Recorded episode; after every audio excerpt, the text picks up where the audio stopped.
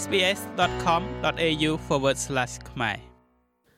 យុវជនវ័យក្មេងម្នាក់ត្រូវបានចោទប្រកាន់ពីបទឆោបោកដោយប្រើប្រាស់ព័ត៌មានដែលទទួលបានពីការបំពានទិន្នន័យរបស់ក្រុមហ៊ុនទូរស័ព្ទ Optus យុវជនរូបនេះមិនត្រូវបានគេសង្ស័យថាជាអ្នកទទួលខុសត្រូវចំពោះការវាយប្រហារតាមអ៊ីនធឺណិតនេះនោះទេ ជិត2សប្តាហ៍មកហើយបន្ទាប់ពីអតិថិជនរបស់ក្រុមហ៊ុនទូរស័ព្ទយេ Optus ជិត10លាននាក់បានប្រឈមទៅនឹងការលួចទិន្នន័យតាមអ៊ីនធឺណិតជាសក្តានុពលប៉ូលីសសហព័ន្ធអូស្ត្រាលីបានធ្វើការចាប់ខ្លួនមនុស្សម្នាក់ជំនួយការស្នងការលោកស្រី Justin Goff មកពី AFP Cyber Command និយាយថាបរិះទីក្រុង Sydney អាយុ19ឆ្នាំម្នាក់ត្រូវបានចោទប្រកាន់ពីបទប្រព្រឹត្តបទល្មើសឆបោកដោយប្រើប្រាស់ ព័ត៌មានដែលទទួលបានពីការរំលោភបំពានទិន្នន័យ The alleged offender then uh, texted ជនជាប់ចោតបន្ទាប់មកបានផ្ញើសារទៅកាន់អតិថិជន93នាក់ហើយធ្វើការទាមទារឲ្យបង់ប្រាក់ចំនួន2000ដុល្លារទៅក្នុងគណនីធនាគារមួយបើមិនដូច្នោះទេព័ត៌មានលម្អិតអំពីអត្តសញ្ញាណរបស់ពួកគេនឹងត្រូវបានប្រើប្រាស់សម្រាប់គោលបំណងប្រមទ័នផ្សេងទៀត ប៉ូលីសសហព័ន្ធ AFP និយាយថាជនសង្ស័យដែលឥឡូវនេះប្រឈមមុខទៅនឹងការជាប់ពន្ធនាគាររយៈពេល10ឆ្នាំត្រូវបានចាប់ខ្លួនខណៈពេលដែលរូបគេកំពុងធ្វើការលើបញ្ជីអតិថិជនរបស់ Optus Fortunately members of the community um were not impacted ជាសំណាងល្អសមាជិកនៃសហគមន៍នេះមិនបានរងផលប៉ះពាល់ផ្នែកហិរញ្ញវត្ថុពីការឆោបោកនេះនោះទេប៉ុន្តែយើងសូមណែនាំថា រូបគេត្រូវបានរៀបរៀងពីការបង្កគ្រោះថ្នាក់នាពេលអនាគតដល់សមាជិកនៃសហគមន៍នេះ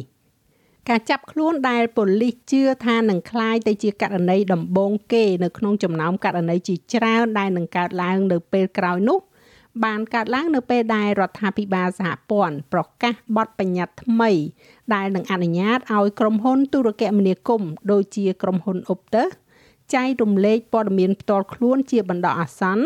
ជាមួយនឹងស្ថាប័នហិរញ្ញវត្ថុដូច្នេះពួកគេអាចអនុវត្តការត្រួតពិនិត្យកាន់តែប្រសើរឡើងសម្រាប់ប្រជាជនដែលរងផលប៉ះពាល់ដោយសារការបំពានទិន្នន័យរបស់ក្រុមហ៊ុន Optus នេះហើយនេះគឺជាប្រសាសន៍របស់លោកស្រី Michelle Rowland រដ្ឋមន្ត្រីក្រសួងគមនាគមន៍សហព័ន្ធ Now what this is all about is to ឥឡូវនេះអ្វីដែលរឿងនេះស្ដីអំពីគឺដើម្បីព្យាយាម និងកាត់បន្ថយផលប៉ះពាល់នៃការរំលោភបំពានទិន្នន័យនេះចំពោះអតិថិជនអុបទើ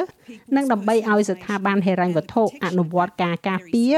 និងការត្រួតពិនិត្យសុវត្ថិភាពដែលបានពង្រឹង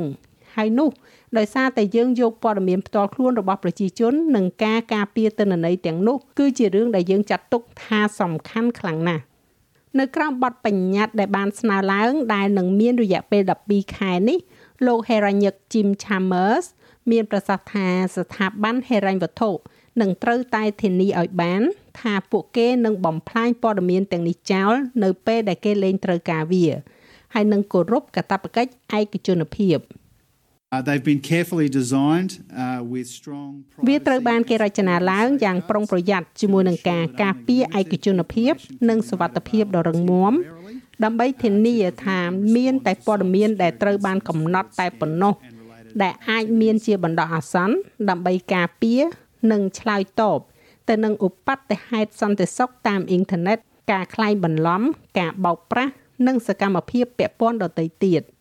រដ្ឋាភិបាលក៏បានបង្ហាញថាខ្លួនកំពុងបន្តកំណែទម្រង់ចំពោះតម្រូវការខាងផ្នែកសន្តិសុខអ៊ីនធឺណិតផងដែរចាស់ហើយរបាយការណ៍នេះចងក្រងឡើងដោយ Tim Wharton សម្រាប់ SBS News និងប្រាយសម្រួលសម្រាប់ការផ្សាយរបស់ SBS ខ្មែរដោយនាងខ្ញុំហៃសុផារ៉ានីចុច like share comment និង follow SBS ខ្មែរនៅលើ Facebook